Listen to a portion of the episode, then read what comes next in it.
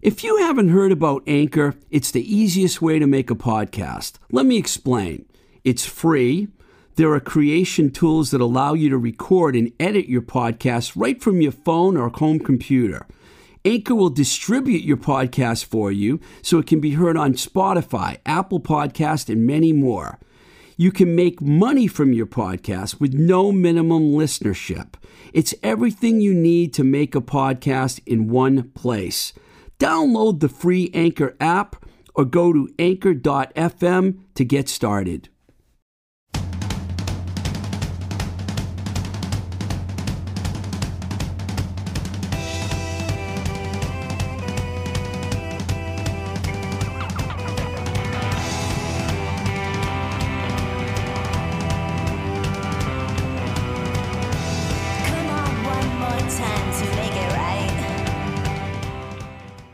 Welcome to Blowing Smoke with Twisted Rico. I'm your host, Steve Ricardo. The intro music was The Charms, So Pretty.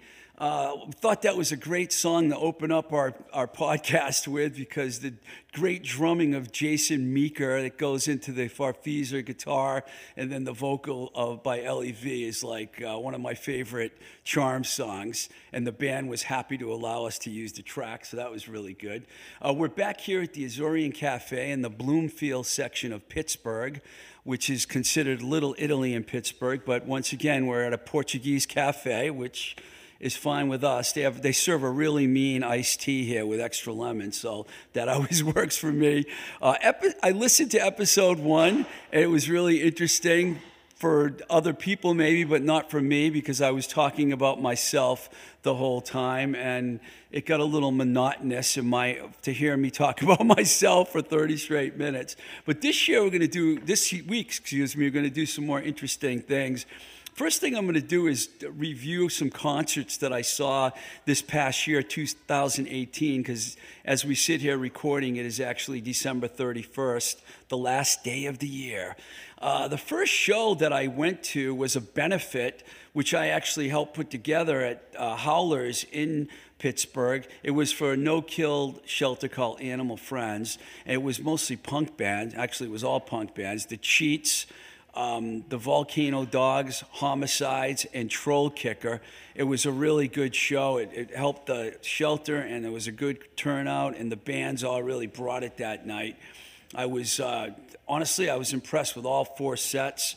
And these bands are like all fairly popular bands here in Pittsburgh. The Cheats, uh, Todd Porter, who is a, the singer of Eviction, uh, his band, it, it changes members a lot, but it's a really always a consist- consistently good punk rock show. Volcano Dogs, Robbie Tabachka, also who was in uh, Eviction. Uh, they were more like a they're more like a MC5 uh, meets the Stooges, which excellent band. Unfortunately, they split up. I was sorry to hear about that. Uh, Homicides, very old school punk rock. Daisy, the singer's outstanding. The whole band is uh, really good band. And Troll Kicker's more like a, I guess you could say they're kind of like screamo punk band, but they were they were really cool. All those bands really did a great job at that benefit. Um, another concert I saw this summer that was really a fun show was the Dropkick Murphys with Flogging Molly and Jake Burns at Stage A&E, the outdoor outside venue, which is really my favorite venue I think in Pittsburgh. It's located in between uh, the baseball stadium and Heinz Stadium, and it's just got a really good vibe going on there. I had seen the Dropkick Murphys there last year with Rancid. And um, I, honestly, I thought that that show was a better show because as much as I enjoy flogging Molly, the Irish drinking music after about an hour and a half starts to get kind of monotonous to me. But um, they still put on a good show. Jake Burns, the singer of Stiff Little Fingers, opened the show actually acoustic set. That was really good. It was an interesting show for the Dropkick Murphys because Ken Casey had shoulder shoulder surgery, so he wasn't actually playing bass. He was uh, co doing the vocals. Him and Al Barr were doing co vocals together. So it was it was kind of interesting. The crowd was rambunctious, as they always are at at uh, Dropkick Murphy show. So that was really cool. Um, I saw the Street Dogs, which is Mike McColgan, who ironically was originally the, the original lead singer of the Dropkick Murphys, with Darkbuster and a couple other bands. That was at the Rex Theater, which I think is one of my favorite venues in Pittsburgh because there's not a bad, there's no seats, but there's not a bad spot in the whole building because it goes down on a slant, and wherever you stand in the entire venue, it's a really good spot. And the Street Dogs put on uh, a phenomenal show. I mean, they're they're a really great band that I highly recommend uh, you checking out in the future when they go on tour. They usually don't do long national tours, but this year they toured America and they went to Europe. Darkbuster, which is Lenny, who also plays uh, guitar in the Street Dogs band, they're like a local Boston band that became really popular. They call themselves the New Darkbuster now, but um, I thought that the songwriting on their in their set, a bunch of new tunes I hadn't heard, was really good, and the two bands, uh, they just they were great together. Um, I saw Spoon with Grizzly Bear at Stage A and E, and that was at the indoor venue. Uh, Spoon opened the show, and they're a fantastic band. They have really good songs. They're from Austin, Texas, and um, there's a song that they used to do called um, Japanese Cigarette Case, and something really funny happened at the show. I started talking to some people around me, and we were like 20 feet from the stage, and I said, I want them to play Japanese Cigarette Case. So this girl was, let's chant it when in between songs. So this girl and I start chanting Japanese cigarette case, Japanese, and it got quiet and everyone heard us. And the singer looked at us and he goes, No, we're not doing that one. which, which I thought was really funny, but they did put on a really good show. They played a lot of newer material. I'm more partial to some of their older stuff, but the new stuff was good. Grizzly, Grizz, excuse me, Grizzly Bear they were kind of a yawner for me, and I actually didn't stay for the whole set. I left after a few songs because I don't know, they're kind of hippy dippy. I don't know, they kind of bored me. I guess there's an audience out there for them that people people like them, but it, I wasn't part of that audience, so I unfortunately for them left. But I'm sure they didn't care and they didn't mind seeing me leave. Um, uh, before I save the best concert I saw all summer, I'm going to talk about Greta Van Fleet. Okay, when I first started hearing about Greta Van Fleet, everyone was referring to them as the next Led Zeppelin. And I was like, okay. So I checked them out, and you know what? They do borrow very heavily from Led Zeppelin, but let me just inform you that they are not going to be the next Led Zeppelin. I think that they have a chance of being a really great band, but I think they're going to have to work on their songs a little bit. They do have some songs. I know Highway Song has gotten a lot of spin for them on. Uh, you know, hard rock radio stations around the country. But after about five or six songs, it was sold out, by the way. I was like, uh, completely blown out by the fact that they sold out stage A and E. And uh, I, th- I was impressed with them, but as the set went on, I became it became more and more monotonous to me. But this is a very young band, so they're a band that have a tremendous future, and I think they will go places. And th- the crowd was way into it. Now, the best show that I saw all summer long by far was Arcade Fire. Now, I never had seen Arcade Fire, Canadian band. I thought the Suburbs record was one of the best records that I that I ever heard. I mean, I believe they won the Grammy for it. Their newer material became a little more commercialized, but it did go over extremely well. And I was like, they they're the kind of band that I would recommend that anyone that likes any genre would go and see. They're a really solid band. There was a point where I noticed that four different people in the band played bass in different songs. They all could play keyboards. They even switched their drummers. They're like a talented, talented band, and they put on a phenomenal show. And um, I'd have to say, of all the shows that I mentioned, I had seen more, but I wanted to mention these because some of these sets really stuck out to me more than others. I would say the Arcade Fire show was definitely the highlight of the concert year for me. So, having discussed some of those great live shows that I saw this past year, I thought it would be kind of cool to talk about some of the shows that I personally thought were the greatest live rock shows I've ever seen. Now, I started going to concerts in the 70s. My first concert was Jethro Tull and J. Geils at Colt Park in Hartford, Connecticut. Back then, you know, there was no internet, there was no cell phones, there was no iTunes, there was no nothing. a concert would get advertised, you'd hear about it, and then you just basically buy tickets you know, smoke a lot of weed before the concert, go to the show, and like rock out. And uh, and basically, I, some of the shows that I saw back then were some of the best live shows I ever saw. I mean, one I want to talk about was, um, you know, I know the Queen movie just came out this year, and there was a big buzz on that, Bohemian Rhapsody. But I was lucky enough to have seen Queen three times in concert, and uh, I would have to say, of all my years of going to rock shows, they would probably be the greatest live band I ever saw. Now, that's not really much of a reach, and I'm sure a lot of people would agree with me and like say, okay, yeah, they probably are. Some people would say the Rolling Stones, some people would say the Who.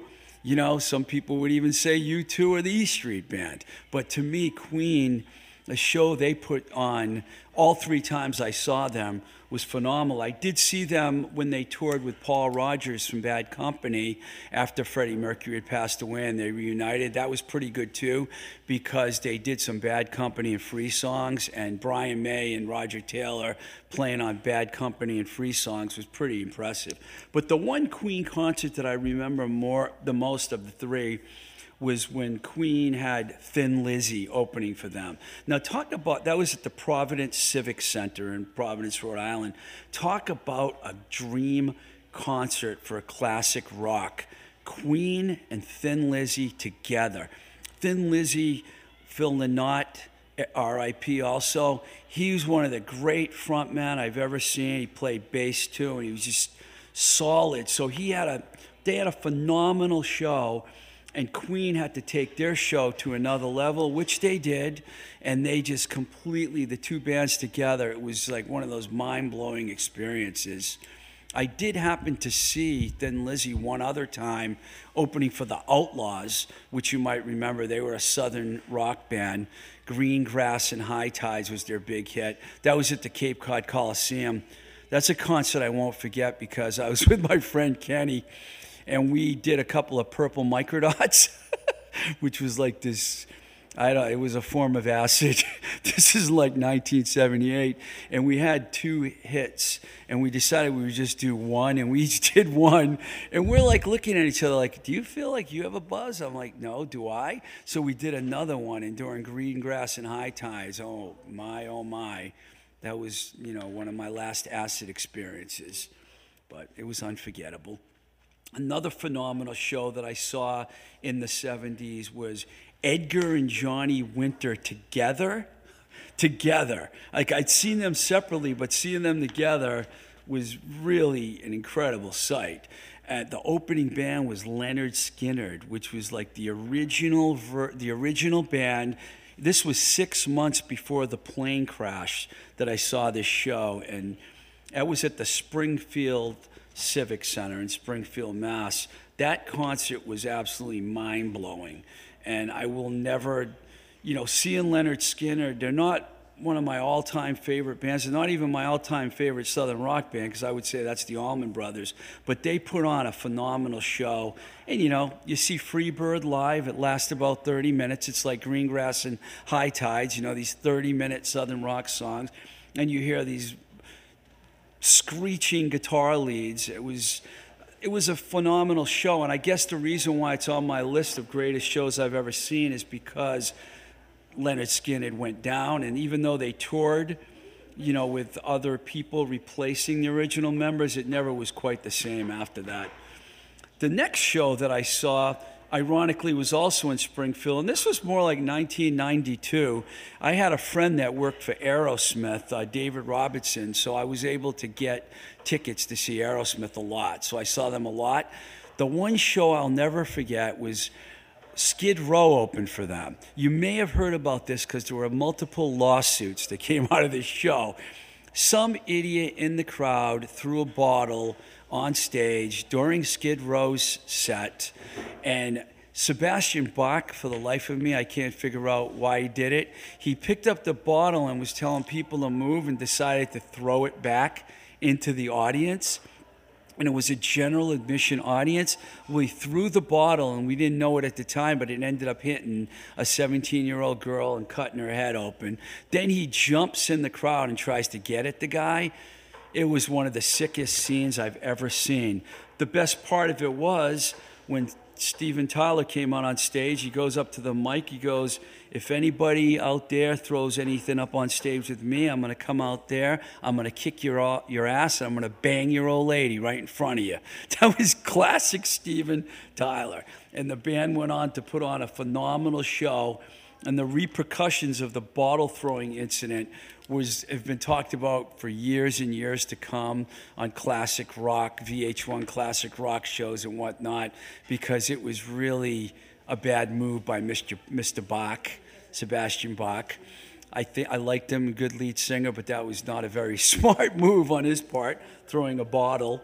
Uh, the next concert on my list is a real classic. It was around 1991, I believe. It was Lollapalooza. That's right, Lollapalooza number two. This was at the Pacific Amphitheater in Costa Mesa, California, a brilliant outdoor venue that I saw several shows at. But this lineup was exceptionally good. It was Pearl Jam.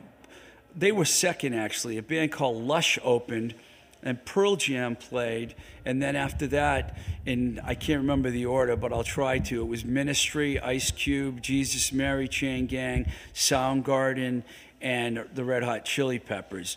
Uh, what really stuck out in my mind about that show it was one of only two times that Temple of the Dog actually appeared performed live.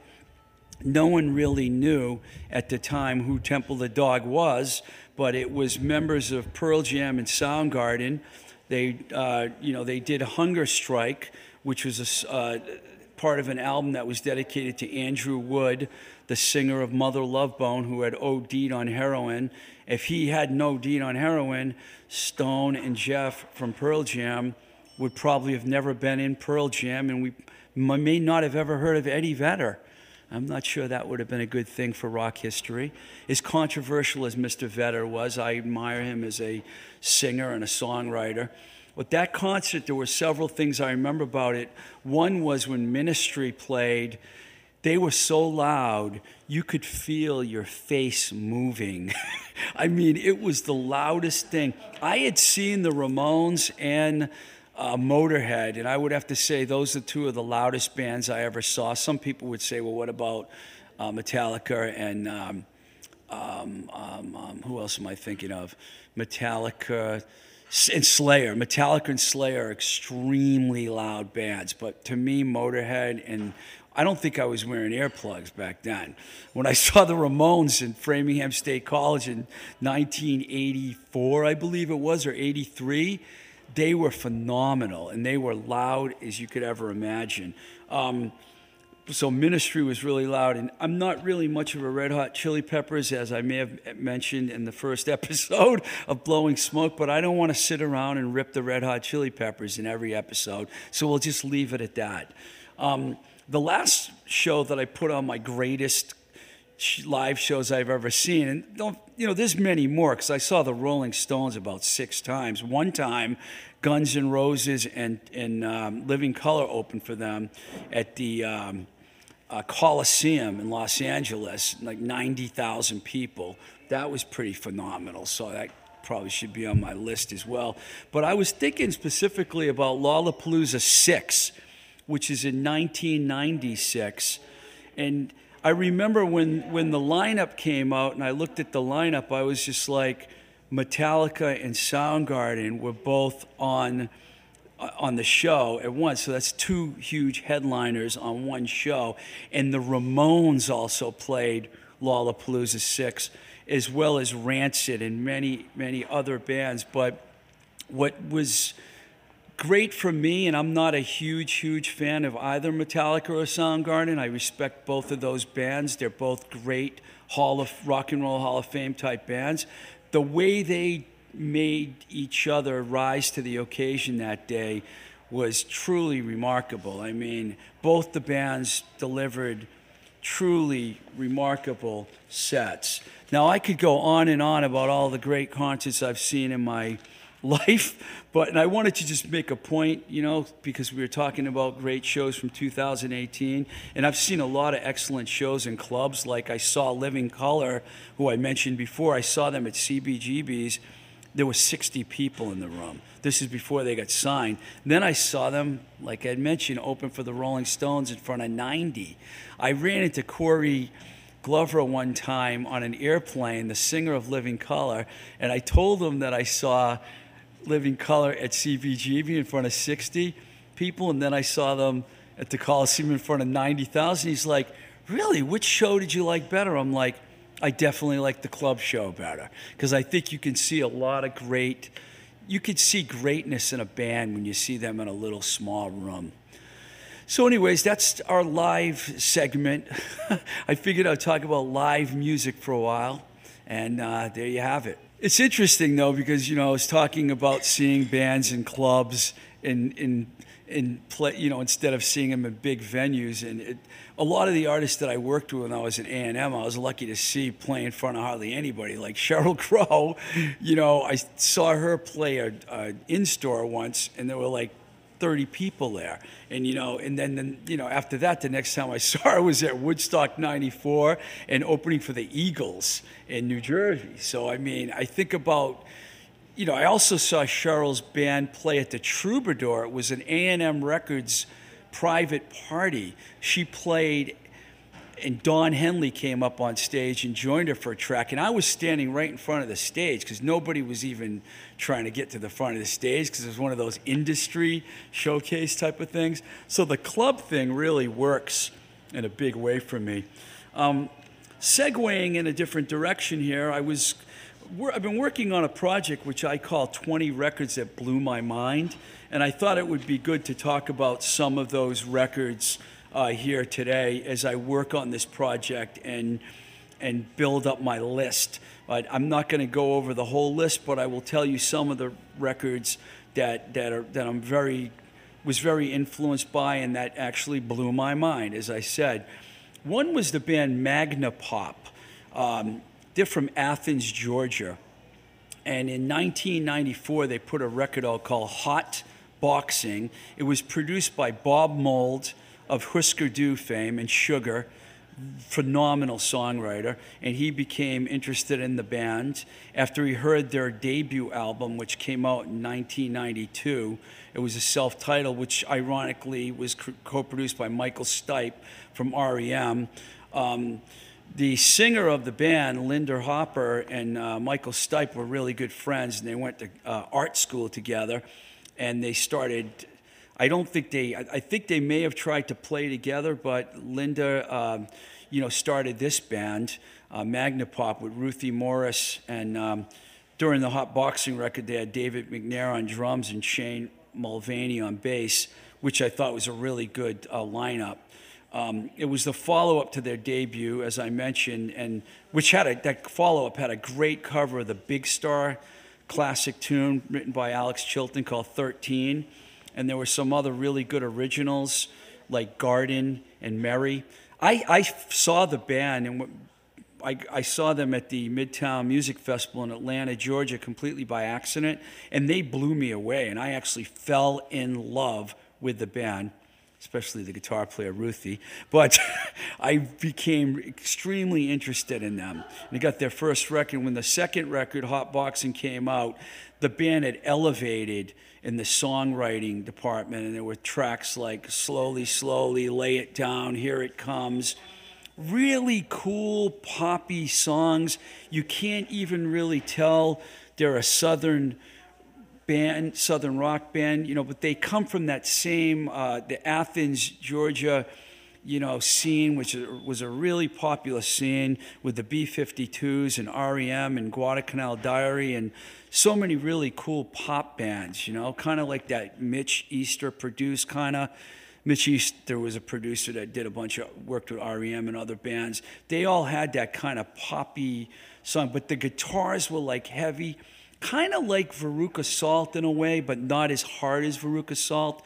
And this record, Hot Boxing, definitely blew my mind. Um, the next record that is on my list of 20 records that blew my mind is the Embrace record, which came out in 1987 on Dischord Records.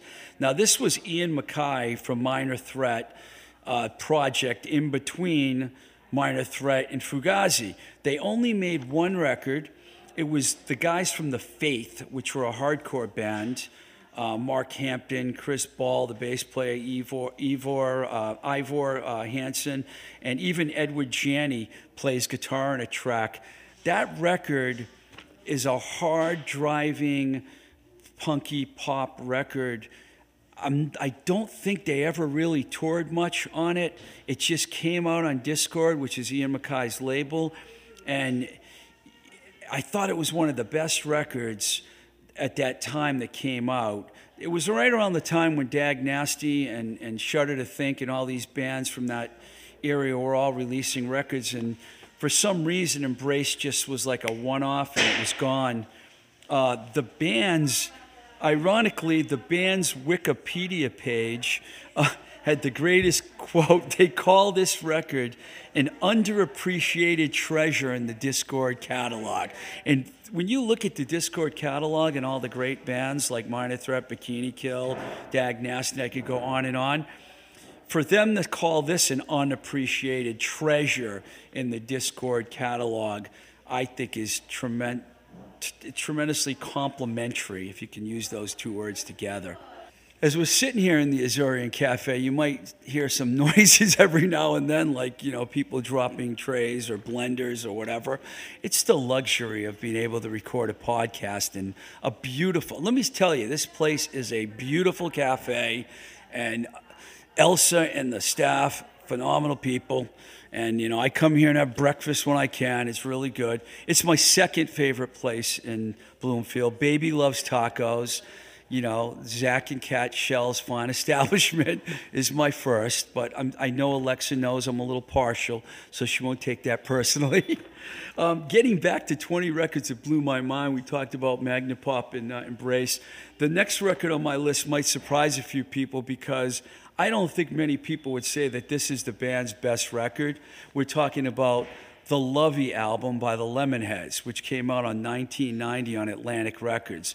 Now, their first two records on Taang were phenomenal. I think the Lick record is one of the best independent records ever released. It was so good that Atlantic Records signed them. And all of a sudden, Evan Dando started appearing on covers of magazines and he became a huge star in Europe. And, you know, that's what happens when you get, on, get signed by a major. Your, your whole career goes to the next level. Lovey uh, was the first record that Ben da- Deily didn't play on. He Ben Deily shared a lot of the songwriting with Evan and uh, Hate Your Friends and Lick and um, Creator. Uh, there were three records actually on Tan Creator, Hate Your Friends, and Lick. And um, he had left the band, so now it all came down on Ben. Jesse Peretz, if you're wondering, was still in the band. Jesse you might heard the name. He's now a big time director. He directs episodes of Girls, Orange is the New Black, and he's become a huge like uh, TV director. He actually played in the Lemonheads. A lot of people don't know that. Uh, this record was more like uh, it's not commercial at all but it's it's it did it doesn't have the commercial success of records that would fall like it's a shame about Ray and records like that but it contained incredible tracks such as Little Seed which was a, one of the first pro marijuana songs. Well not one of the first but for that era when you think about pro marijuana songs Little Seed was just that was it. Year of the Cat and Ride with Me other great songs on that record and the thing that really sticks out, besides Evan's phenomenal songwriting is some of the musicians that played on the record Kenny Chambers, Corey Loog Brennan, and Clay Tarver, which, if those names sound familiar to you, it, they would because they all ended up at one time or another playing in the outstanding Boston band Bullet LaVolta. And on this record, they all take turns just playing masterful leads, and the record's just jam packed with outstanding guitar leads, and it's it's it's kind of like the most laid back Lemonheads record. But it's that's what makes it interesting to me. It, there is a cover of Brass Buttons on there uh, that actually Gram Parsons song that actually did get radio airplay and attention, but most of the record was really jams. You know, they were like guitar jams and. Uh, not in the sense of like you know uh, the Grateful Dead or anything like that. More like jamming on, on a on an indie rock like Dinosaur Jr. kind of style, you know. And that really stuck out for me. Um, the songs especially, and that's why Lovey made the list of the 20 records that blew my mind. Um, the next record here is um, it was a side project. Okay, the record's called Co Stars Klassics with a K. It was on Grand Royal Records, which, if some of you will know, that was the Beastie Boys record label. And Mark Kates, an old friend of mine, actually ran the label. And Klassics with a K was a 1996 release, and it was a side project for two members of Luscious Jackson who are also on that label, Jill Cunniff and Vivian Trimble. It was a complete completely different than the danceable new wave sound of uh, Luscious Jackson was more stripped down. But even though it wasn't a Luscious Jackson record, it had a Luscious, Luscious Jackson feel to it because all the members had a hand in it. The drummer, Kate Schellenbach, uh, actually plays drums, and guitar player, Gabby Glaser, actually played some leads. And what made it even more interesting, it was recorded by the then girlfriend of Schellenbach, Breeders bassist Josephine Wiggs. And it was at their Meat and Potatoes studio which was actually located in the Luscious Jackson rehearsal space. So I guess you could call it a family affair, because that's exactly what it was. By the way, I love the Breeders. They're one of my favorite bands of all time.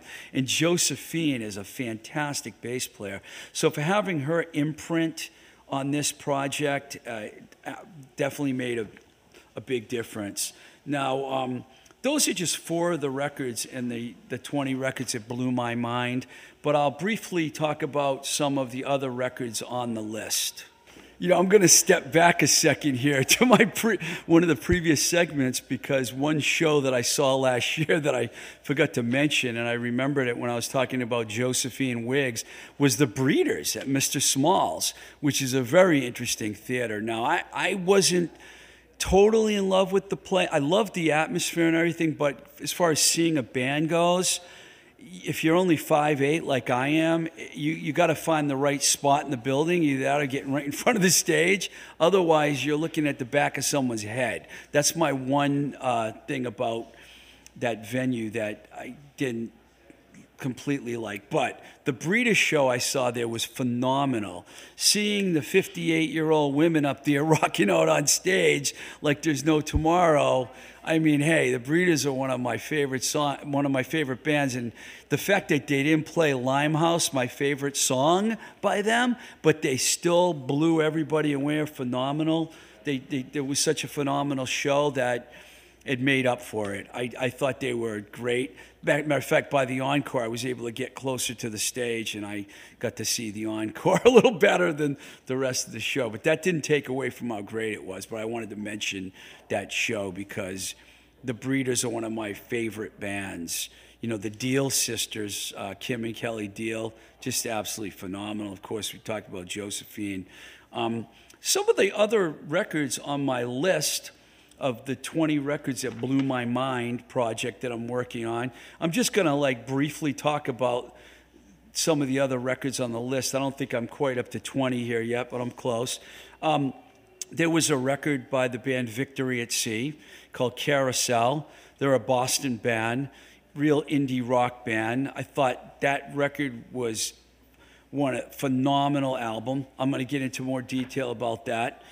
Um, the Witches, which is one of Troy Gregory's project, their their record Thriller was uh, Down on Ugly Street was the song on that record that I absolutely uh, adore, and they're on my list. These are records, by the way, that didn't become huge mainstream hits, but I they blew my mind because there's so much music out there that you can like find gems everywhere.